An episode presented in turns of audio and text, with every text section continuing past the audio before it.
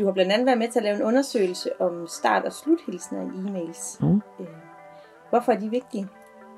Jamen, det jo lidt sjovt, fordi vi var sådan lidt, da vi begyndte på det, sådan lidt interesseret i, jamen, er det mon interessant det, det her vigtigt? egentlig? Ja. Ja. og er det vigtigt? Og det er sådan nu, nu har jeg så forsket i det i nogle år, at hver eneste gang, jeg fortæller en eller anden, for eksempel til et eller andet selskab om en eller anden fest, om jeg forsker så i, men nej, eller og hilsner, gør du? Nej, jeg sidder hver eneste gang og tænker på, skal jeg skrive den eller den eller den? Det fylder virkelig meget. Og jeg bliver lidt overrasket over hver gang, at det, der er rigtig mange, der tænker meget over det. Hvad, hvad er det, øh, de gængse hilsner? De gængse hilsner på dansk, man har to starthilsner, som er meget udbredt, og det er hej og kære. Allerede der kommer problemet, fordi der er en tendens til, at hej er noget, man skriver, hvis man er mere sådan, hvis man er yngre. Øh, og der er faktisk også rigtig mange unge, som synes, at kære, det kun er noget, man bruger til nogen, man har kær. Altså, hvor der er en eller anden form for kærlighed. Nu laver er jeg citationstegn. Det er chefen, der er kære. Nej, øh, men for år tilbage, der brugte man faktisk også kære i øh, formelle situationer. Så du kan godt få brev for skat, hvor der står kære Trine. Og så er det jo selvfølgelig ikke en kærlig relation, der er her. Så, øh, så, der, er- så det er sådan lidt mudret, kan man sige. Mens at for eksempel i Sverige, der skriver de hej til stort set alt. Og i Sverige, der kan de også bare skrive hej, uden at skrive hej Trine. Mens der er en tendens til øh, i dansk, at man også, også skriver navnet med. Så der er faktisk nogle koder i virkeligheden, selvom vi tænker, pff, altså, hvor svært kan det være?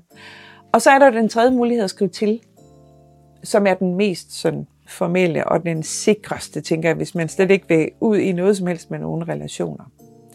Og så i den anden ende, når man er færdig med at skrive sin mail, så kan man jo sige, så står navnet der, og, eller det står i e-mailadressen, man kan se, hvem mailen kommer fra. Alligevel, så bruger vi faktisk også meget energi på at, at sige farvel.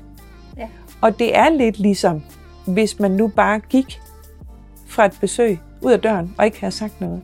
Også selvom vi forventer et svar tilbage, altså som du sagde med Messenger, at der er den her pingpong, forventer vi også lidt på mail, men måske ikke i samme grad, hvis man skriver. Altså, der er nok en tendens til, at der, det der med hilsner, det fylder mest i de første mails, man sender frem og tilbage. Og hvis man for eksempel sender mails flere gange frem og tilbage på den samme dag til den samme, så forsvinder hilsnerne. Så skærer man lidt mere ind til benet Ja. efterhånden. Og så kan man jo faktisk igen putte en hilsen ind til allersidst, hvis man hermed vil signalere.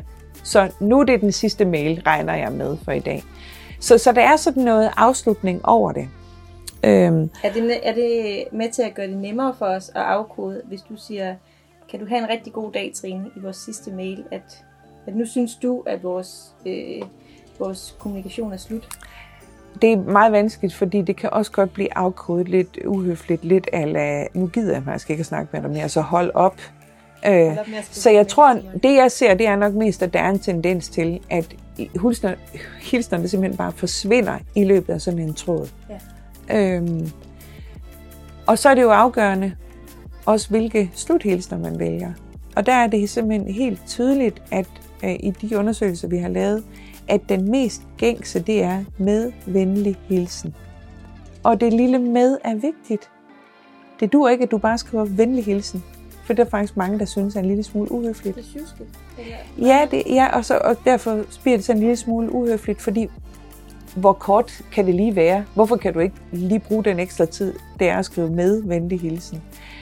Øh, MVH er også opleves mere høfligt end bare VH. Så der er det igen, det der med skal med på en eller anden måde.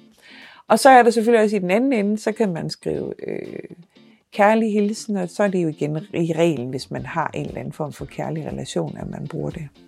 Men det må man godt skrive. Det er der nogen, der opfatter som øh, okay i en arbejdsrelation også, at skrive med kærlig hilsen.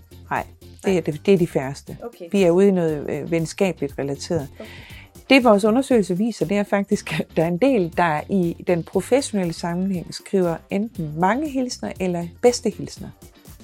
Men det er igen også lidt svært, fordi så er der nogen, der tænker, bedste hilsner, det er sådan noget engelskagtigt noget, best regards, og, og, og kan blive sådan lidt sur over at få sådan en bedste hilsner. Så det er, øh, så vores råd faktisk, jeg har jo lavet en undersøgelse sammen med Dansk Sprognævn, vores råd har egentlig været, tro, at den anden har de bedste intentioner, ligegyldigt hvad for en sluthilsen, der kommer.